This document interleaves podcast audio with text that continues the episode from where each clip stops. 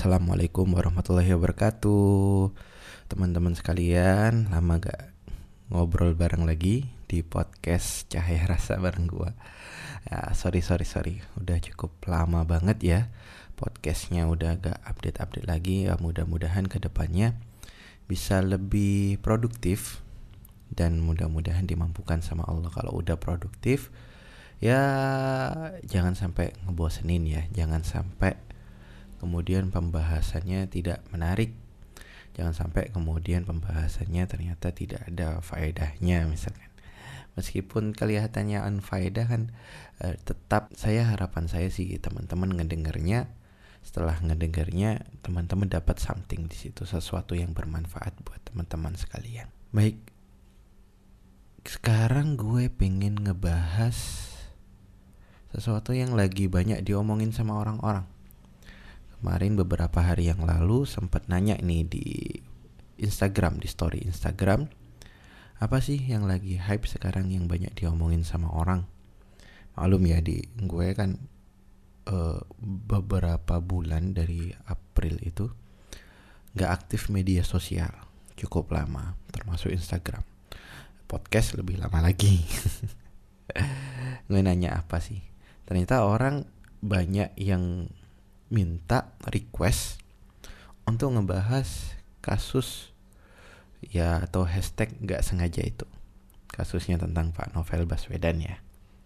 Penyiriman air keras bintang Emon dan apa pokoknya seputar tentang ketidakadilan di negeri ini.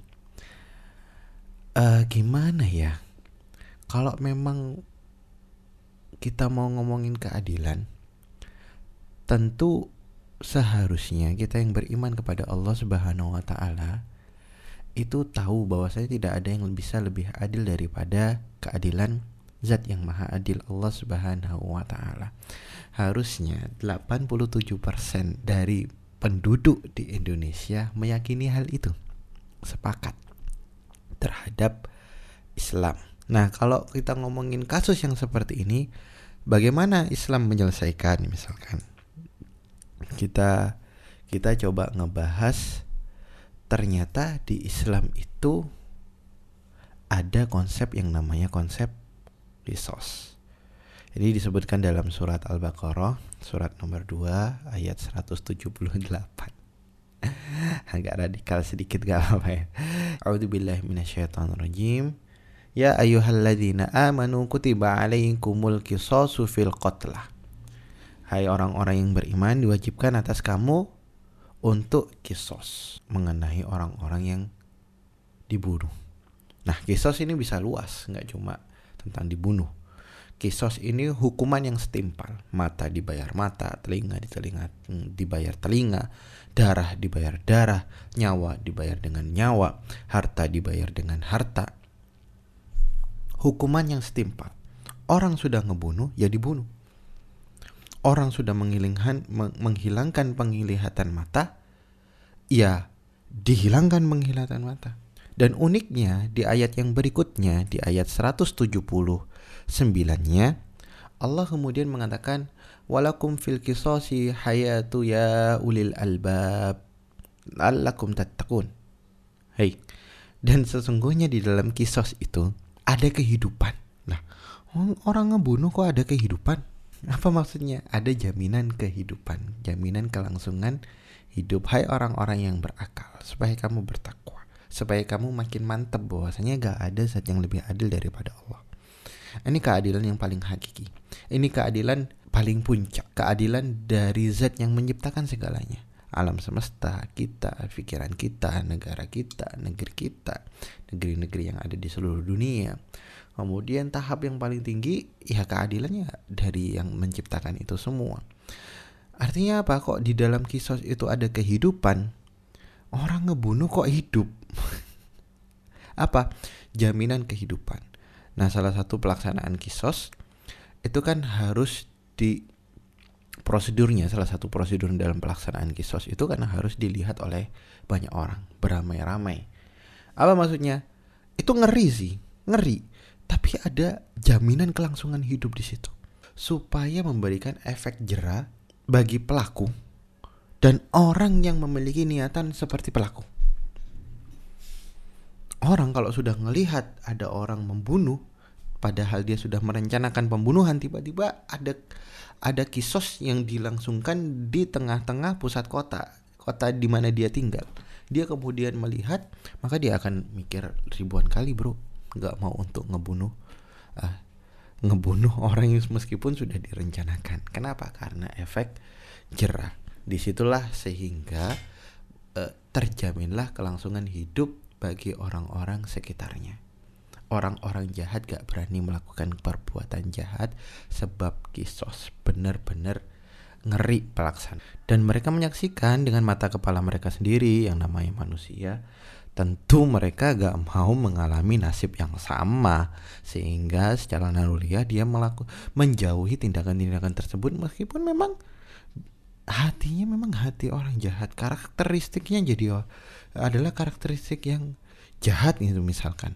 Gara-gara di hadapan dia sudah ditampilkan proses hukuman yang seperti itu ya kejahatannya jadi cute dan diharapkan kejahatannya terus selama semakin lama menciut menciut menciut, menciut sehingga sampai hilang dan dia menjadi orang sebagaimana fitrahnya fitrahnya manusia ya orang baik gak mau membunuh gak mau menyakiti sesama kalau Pak Novel Baswedan dihilangkan penglihatannya maka kalau kalau dalam Islam ya yang adil itu ya dihilangkan.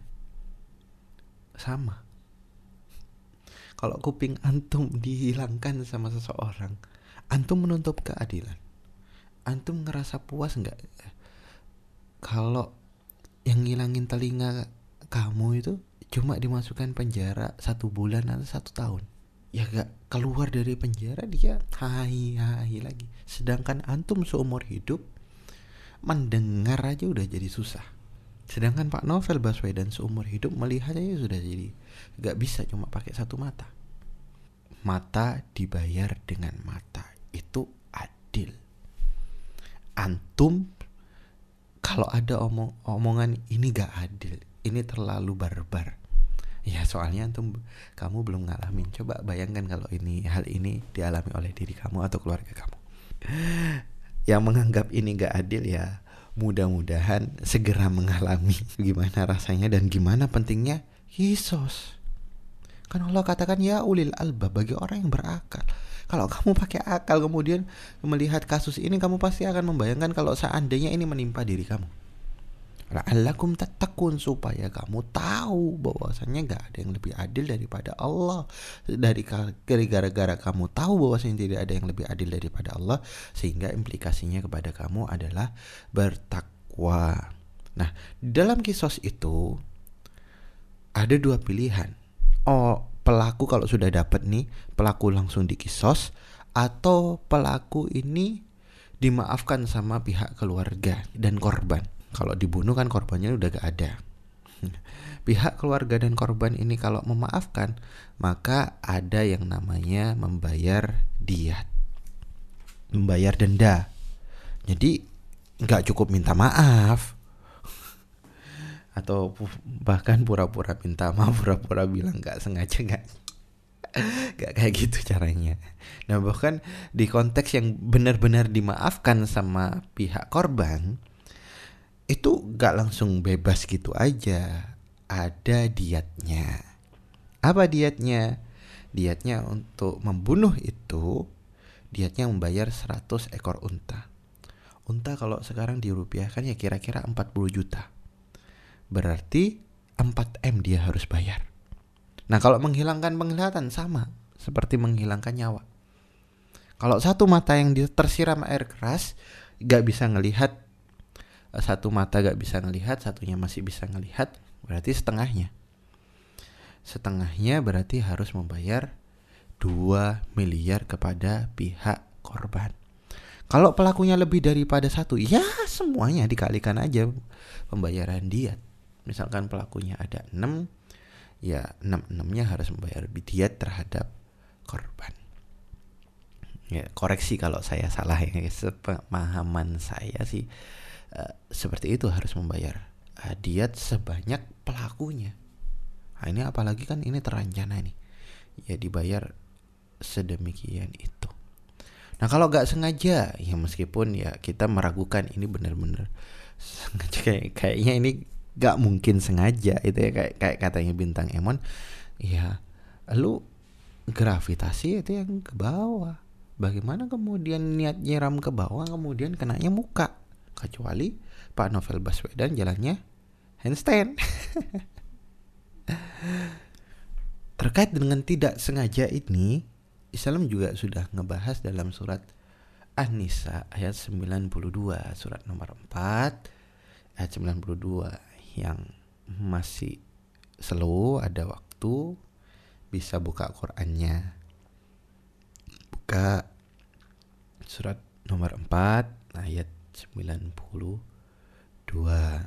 Apa kata Allah? Famang qatala mu'minan khotoan Barang siapa yang membunuh mukmin dengan khotok gak sengaja bener-bener gak sengaja itu ya bukan ngaku-ngaku gak sengaja fatahriru rokobatim mu'minatin wadiyatun musallamatun ila ahlihi illa ayyasaddaku apa kata yang? Wamang qatala mu'minan khota'an Barang siapa yang membunuh mukmin dengan khotok Khotok itu gak sengaja. Benar-benar gak sengaja. Niatnya gak membunuh. Niatnya nembak burung malah pelurunya nyasar kena kepala orang meninggal. Ya, kayak seperti itu. Khoto fatahri rokobah maka yang pertama hendaknya dia wajib untuk membayar eh memerdekakan budak seorang budak yang beriman fatahri rokobatim mu'minatin kemudian wa diatun musallamatun ila ahlihi serta membayar diat yang diserahkan kepada keluarganya, kepada pihak korban. Illa ayyasaddaku kecuali jika mereka bersedekah. Mereka mengikhlaskan untuk tidak mengambilnya. Itu itu prosedur. Gak usah ngomongin keadilan hakiki atau keadilannya Allah Subhanahu wa taala deh. Keadilan negeri kita sendiri ternyata kita tidak mendapatkan sesuai KUHP kah? Sesuai dengan peri kemanusiaan dan peri keadilan? Sesuai dengan HAM enggak? Ini orang hilangkan penglihatan cuma dikasih tuntutan satu tahun? Bahkan ada kemungkinan enggak dihukum sama sekali karena sudah minta maaf dan mengakui ini tidak sengaja. Dia kayak gitu caranya. Nah ngomong-ngomong terkait ketidakadilan yang terjadi di Indonesia ya gue rasa kebanyakan dari kita sudah pesimis ya jujur termasuk gue juga pesimis gini gini gini menurut gue ini masalahnya bukan bagaimana cara menyelesaikannya bukan prosesi hukumnya bukan bukti-buktinya kemudian belum ada saksi-saksinya belum ada. Bukan bukan itu. Karena ini terjadi berulang dan berulang berulang berulang dia tumpul ke atas hukum di sini ya tajam ke bawah. Ada yang tegak tapi bukan keadilan. Ada yang bulat tapi bukan tekad. Ada yang ada yang besar tapi bukan harapan nah kalau sudah hukum yang seperti ini terus berulang berulang berulang maka sesungguhnya di dalam Quran di dalam tarikh itu sudah ada teladannya kasusnya persis sama banget. Ini kita bisa baca kisahnya dalam surat Al-Qasas. Surat Al-Qasas itu surat nomor 28. Kita coba baca surat Al-Qasas dari ayat nomor 15. Di situ Allah mengatakan wa dakhala al-madinata ala hini ghaflatin min ahliha fawajada fiha rajulaini yaqtatilani hada min syi'atihi wa hada min aduwi. Dan ketika Musa itu ada di kota Memphis, ibu kota kepemimpinan Fir'aun, pusat kotanya itu, ketika penduduknya sedang lengah, lenggang sedang bersantai mungkin ini jam istirahat ya. Kalau di sini ya jam Ba'da zuhur Jam 12 sampai jam 1 Jam berapa kerja biasanya? Jam segitu lah Lagi lenggang. Maka ternyata Ada dua orang laki-laki yang sedang berkelahi. Satu Bani Israel Dan yang kedua adalah orang Mesir. Satu ini orang yang dibenci sama penguasa, sama Fir'aun, sama rajanya, sama presidennya, sama perdana menterinya, sama menteri-menterinya dibenci, dianggap rendah, dianggap kasta. Ini adalah kasta yang yang gak berhak mendapatkan hak asasi manusia dan satu orang itu orang dalam. Memiliki backingan pemerintahan, memiliki link, memiliki darah-darahnya adalah darah Mesir, darah yang lebih mulia dipandangnya dari darah orang-orang Bani Israel, maka kemudian apa yang kejadiannya? Orang Mesir ini semena-mena terhadap Bani Israel. Orang Mesir ini Qatadah menyebutkan bahwasanya dia adalah chefnya Fir'aun, kerjanya di dapur. Tiba-tiba nyuruh orang Bani Israel ya saat dia ngelihat, dia nyuruh orang Bani Israel untuk ngambil kayu bakar karena dia mau memasak. Ini bukan budak, bukan pesuruh, bukan pekerja dia, tapi dia suruh karena dia melihat dia ini orang Bani Israel. Di situ dan saat itu kecenderungannya memang orang Bani Israel itu pekerjaannya sebagai budak dan diperbudak oleh orang Mesir. Meskipun mereka lahirnya sebagai statusnya seharusnya sebagai orang yang merdeka, diperbudak. Apalagi sudahlah diperbudak, diperkerjakan secara paksa, pas jam istirahat pun dipaksa untuk bekerja kan nyebelin banget. Karena orang Mesir ini ngelihat bahwasanya orang ini adalah orang Bani Israel, dia menganggap bahwasanya dia berhak semena-mena, dia berhak memerintahkan kapan saja tanpa memberikan imbalan, memperkerjakan dia tanpa memberikan gaji. Nah, ini kan zolim, ini kan gak adil. Ini kan sesuatu yang songong banget, kurang ajar banget lah. Gak berhak asasi manusia gak berperi kemanusiaan gak memiliki keadilan sosial bagi seluruh rakyat Mesir pada hari itu rakyat Fir'aun. Maka kemudian Allah menceritakan fastaghathahu alladhi min syi'atihi 'ala alladhina min aduwihi fawakazahu Musa faqadu alih maka dia ini orang Bani Israel ini gak mau menolak. Orang Mesir tetap maksa Akhirnya berantemlah mereka. Maka dari golongan yang lemah, orang yang Bani Israel itu lemah secara fisik, lemah secara kedudukan, benar-benar ditindas semena-mena di situ oleh pihak penguasa, pihak orang dalam istana, istana Firaun. Maka kemudian dia teriak, "Tolong, tolong, tolong, minta tolong, minta pertolongan." Hero tolong hero. Akhirnya datanglah pahlawan yang sesungguhnya namanya Musa. Maka Musa kemudian mencoba menelerai mereka berdua. Ada apa ini? Ada apa ini?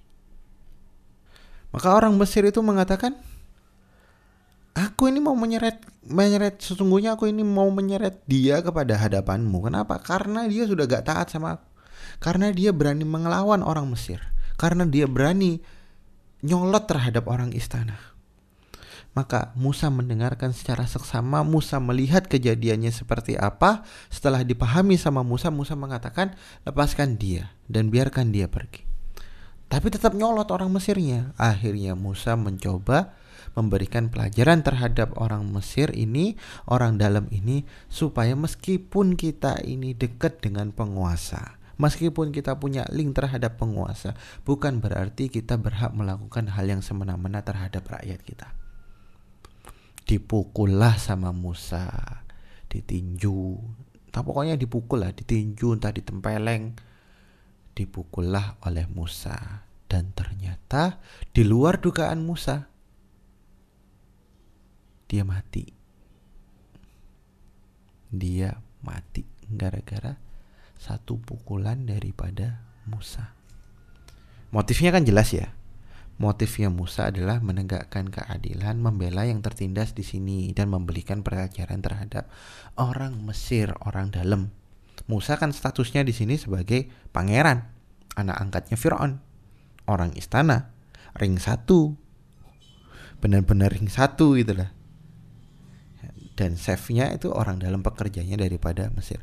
Fir, uh, si Musa ini pengen ngasih pelajaran terhadap chef ini supaya gak semena-mena meskipun gak mentang-mentang kita Mesir, gak mentang-mentang kamu itu orang dalam, gak mentang-mentang kamu itu pekerjanya Fir'aun kemudian bebas semena-mena. Jangan begitu. Adil ya tetap adil. Keadilan harus ditegakkan sama rata. Sama meletakkan sesuatu itu harus sesuai dengan tempatnya. Membagi sesuatu itu harus sesuai dengan porsinya. Itu yang dipahami sama Musa. Dan ternyata mati. Musa ini perkasa banget. Coba sekarang UFC mana atlet UFC mana yang sekali pukul lawannya kemudian lawannya mati. Tinju kelas berat pun Mike Tyson pun nggak bisa seperti seperti itu. Jadi Musa ini kekuatannya luar biasa maka Musa mengatakan kola hada min amali syaitan. Loh, aku ini gak sengaja. Ini kerjaan setan ini. Ini kerjaan setan. Karena niatnya gak ngebunuh. Apa maksudnya kerjaan setan? Karena setan yang kemudian memberikan uh, hembusan-hembusan amarah-amarah di dalam dirinya Musa. Menimbulkan bisikan-bisikan asobiyah. Ini orang Bani Israel loh, sama kayak kamu mentang-mentang dia Mesir. Kamu tuh dihor saya itu Musa. Dihormatin gara-gara diangkat anak sama Fir'aun. Nah kalau gak diangkat anak mungkin nasibnya sama. Marahlah Musa. Akhirnya ketika Musa niatnya untuk memberikan pelajaran Musa overpower. Powernya Musa ini luar biasa. Overpower niatnya memberikan pelajaran malah mati membunuh nggak sengaja. Nggak sengaja yang tercatat dalam Quran. Sudah dikonfirmasi sama Allah Subhanahu Wa Taala bahwasanya ini nggak sengaja. Ada saksinya. Saksinya orang Bani Israel di zaman itu dan juga Allah Subhanahu Wa Taala. Kalau kasus sekarang kan saksinya menyebut itu sengaja pelakunya mengatakan ini nggak sengaja lah itu nggak kayak gitu. Di, di di sini ini Musa ini sudah terkonfirmasi dari zat yang maha jujur yang nggak memiliki kepentingan yang nggak mungkin menyembunyikan kebenaran zat yang maha benar sudah mengkonfirmasi bahwa Musa ini benar-benar gak sengaja. Maka Musa menyalahkan setan sebab ketidaksengajaan innahu adu mudillum mubin. Dan setan itu sungguhnya adalah musuh yang paling nyata yang menyesatkan. Maka tahapan Musa kemudian Musa mengatakan qala rabbi inni dalam tu nafsi faghfirli wa lahu innahu huwal ghafurur rahim. Musa mengatakan Robbi ya Robku penguasaku penciptaku pemeliharaku pencatat amal-amalku yang memintai pertanggungjawaban dari setiap gerak-gerik dalam kehidupanku. Ini dolam tu nafsi sesungguhnya aku telah dolam. Telah menganiaya zolim terhadap diriku sendiri telah menganiaya diriku sendiri. Fakfirli maka ampunilah aku. Fagofarolahu maka Allah pun mengampuninya. Innahu huwal ghafurur rahim. Sebab Allah itu maha pengampun lagi maha penyayang. Karena ini nggak adi eh, karena ini nggak sengaja khotok. Dan kemudian Musa menjelaskan motifnya kepada Allah Subhanahu wa taala.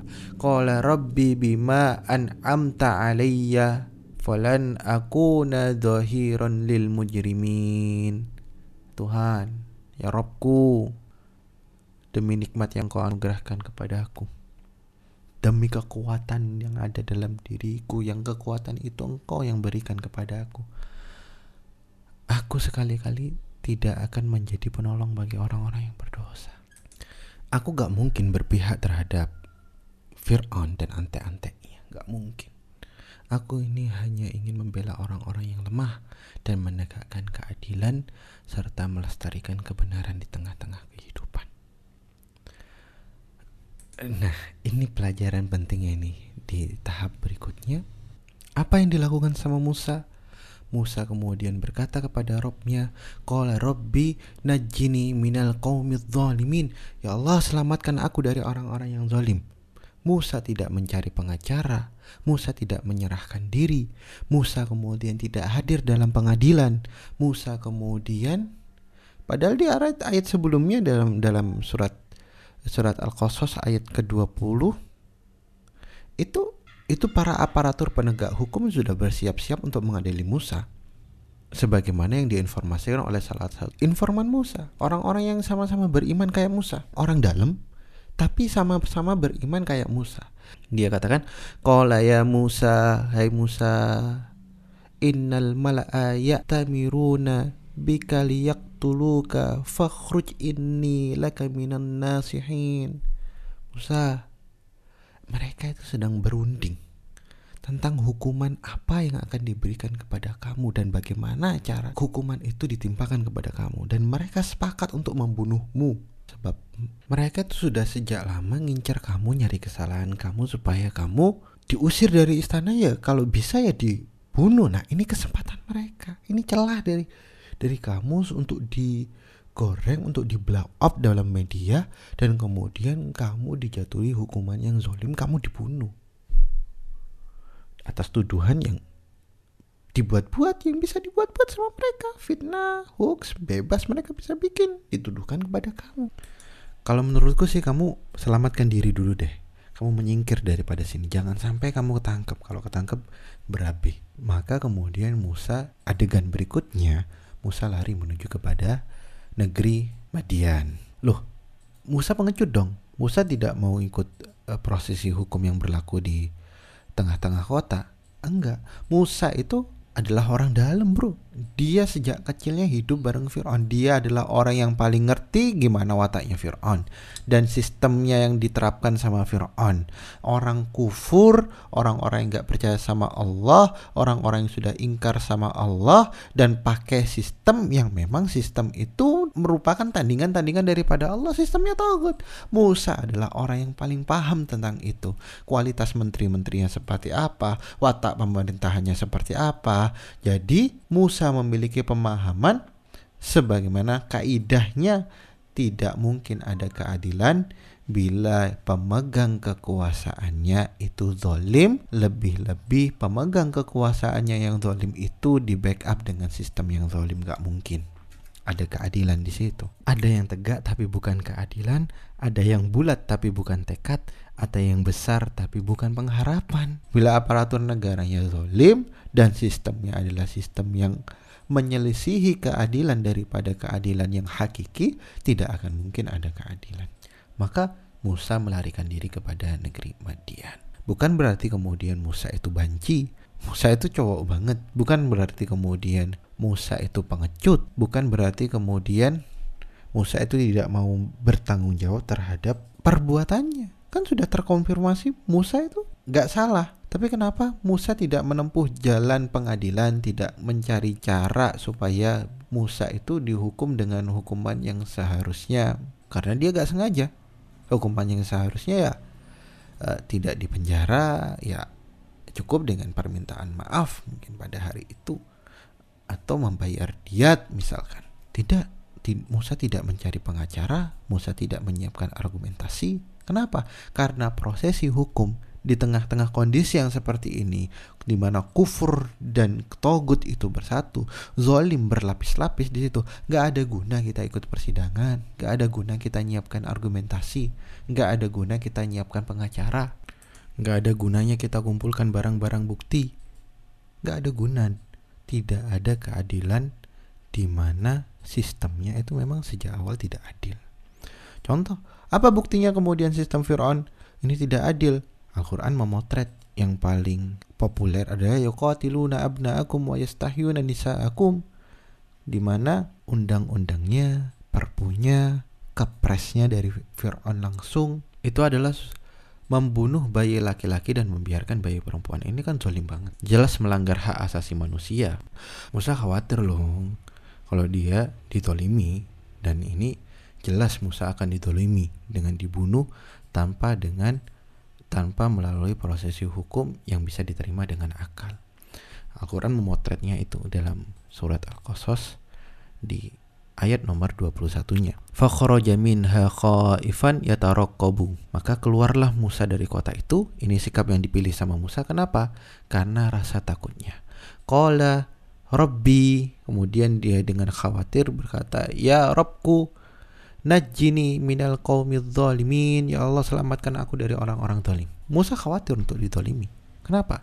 Ketika Musa nanti ketangkap, Musa tidak punya kesempatan lagi untuk memperbaiki dan menyelamatkan orang-orang Bani Israel. Impiannya itu menyelamatkan orang-orang yang ditindas. Kalau dia ketangkap pada hari ini, uh, end sudah. Tidak ada harapan lagi. Maka Musa mengkhawatirkan itu. Maka kemudian Musa memilih langkah untuk pergi dari negeri Mesir menuju kepada entah gak tahu pokoknya kabur gitu aja. Kenapa? Bukan berarti Musa itu banci, bukan berarti Musa itu penakut, Musa itu pemberani, Musa itu perkasa. Bukan Musa itu pengecut. Rasulullah itu menyebutkan keberanian dan kehebatan Musa dan keperkasaan Musa itu Rasulullah SAW itu pernah bercerita besok ketika Allah marah di mana Allah itu dengan wajahnya yang begitu amarah semua makhluk-makhluk itu pingsan gara-gara kemarahan Allah malaikat pingsan dan aku adalah orang yang pertama dibangunkan sama Allah dan ketika aku bangun aku mendapati Musa sudah pegangan kaki arsnya sehingga sananya Allah Subhanahu wa taala dan aku tidak tahu siapa yang lebih dahulu dibangunkan oleh Allah Musa atau aku atau mungkin jangan-jangan Musa itu gak pingsan sama sekali di saat semua makhluk pingsan Nah itu saking saking hebatnya dan keperkasaannya Musa. Tapi kenapa kemudian Musa itu kabur? Kenapa? Karena ini kalau ketangkep gak ada harapan untuk memperbaikinya, memperbaiki negeri Mesir lagi. Maka Musa lari kepada kota Madian. Walaupun awalnya Musa ini nggak tahu harus ke mana, tapi ternyata Allah membimbing Musa secara naluria untuk pergi kepada Madian. Walamma tawajjaha tilqa Madyana qala asa rabbi ayyahdiyani sawa as-sabil. Dan tatkala Musa menghadap melewati treknya menuju kota Madian, melewati rute menuju kepada Madian, ini Musa lari. Musa lari dari kejaran-kejaran prajurit-prajurit berkudanya Fir'aun. Nah, lihat ini perkasa Musa. lari dan Musa kemudian mengatakan qala asa rabbi ya Tuhan Robku mudah-mudahan Robku memimpinku ke jalan yang benar. Tolong dibimbing. Ketika Allah mengasisi permintaan Musa maka Allah saat saat itu pula membuatkan skenario terbaik buat calon nabinya ini. Maka dari Madian itu Allah siapkan Musa Allah pertemukan Musa dengan keluarganya Nabi Su'aib. Dinikahkan dengan salah satu daripada dua anaknya Nabi Su'aib.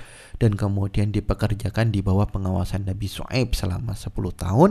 Sampai kemudian Musa sudah layak maka Allah memberikan tugas terhadap Musa untuk kembali kepada Mesir.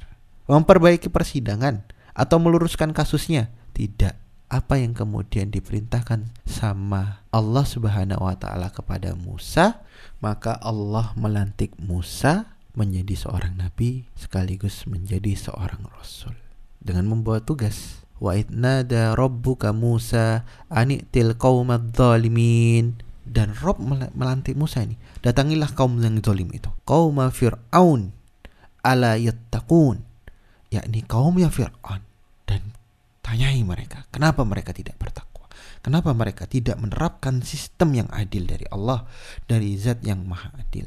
Kenapa mereka lebih memilih jalan yang kufur dan kemudian membuat togut tandingan-tandingan daripada keadilan Allah dan membuat versi keadilannya versi hawa nafsu mereka sendiri. Kenapa? Musa dilantik sebagai nabi sekaligus menjadi seorang rasul. Artinya apa? Rasul itu kan membawa salah baru, membawa ajaran baru, membawa sistem baru.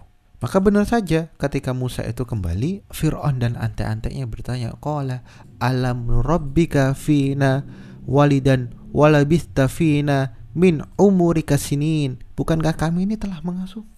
Kenapa kamu ingin meminta ganti sistem? Kamu ini gak tahu diri ya? Waktu kamu masih anak-anak, kamu itu tinggal bareng kami dalam istana. Kami yang kemudian memberikan fasilitas segalanya sehingga kamu tumbuh besar. Berapa tahun kamu di sini? Sebagian besar umurmu tuh dihabiskan dari fasilitas Fir'aun. Fa'alta fa'lataka fa'alta wa anta minal kafirin dan kamu telah membuat satu satu kesalahan dan ini semakin mengukuhkan kan, mengukuhkan kamu bahwa kamu itu tidak membalas budi. Maka Musa menjawab, ini dialognya diceritakan secara detail di dalam surat Al-Qasas. Apa jawaban Musa? Qala fa'altuha idan wa ana minadh dhalimin. Wa ana qala fa'altuha idan wa ana minadh dhalin aku itu telah melakukan itu sedang aku waktu itu gak sengaja. Hilaf terbawa emosi. Maksudku tuh bukan itu. Aku sudah minta maaf kata Musa. Aku hilaf aku salah. Aku tidak sengaja. Fafarartu minkum lamma khiftukum. Fawahabali rabbi hukman waja'alani minal mursalin. Dulu aku lari itu bukan karena aku mengakui kesalahanku. Aku takut kepada kalian yang sudah zolim. Hingga sampai kemudian Robku memberikan ilmu kepadaku. Dia menjadikan aku salah seorang Rasul. Maka aku dimantapkan. Aku benar-benar sudah dipantaskan sama Allah untuk menegakkan keadilan di tengah-tengah negeri ini. Yang tugasku adalah mengganti sistem kezaliman yang diterapkan di dalam bumi Fir'aun. Maka fokus Musa jelas di sini. Ketika disinggung lagi prosesi persidangan di sini, Musa tetap fokus pada pergantian sistem.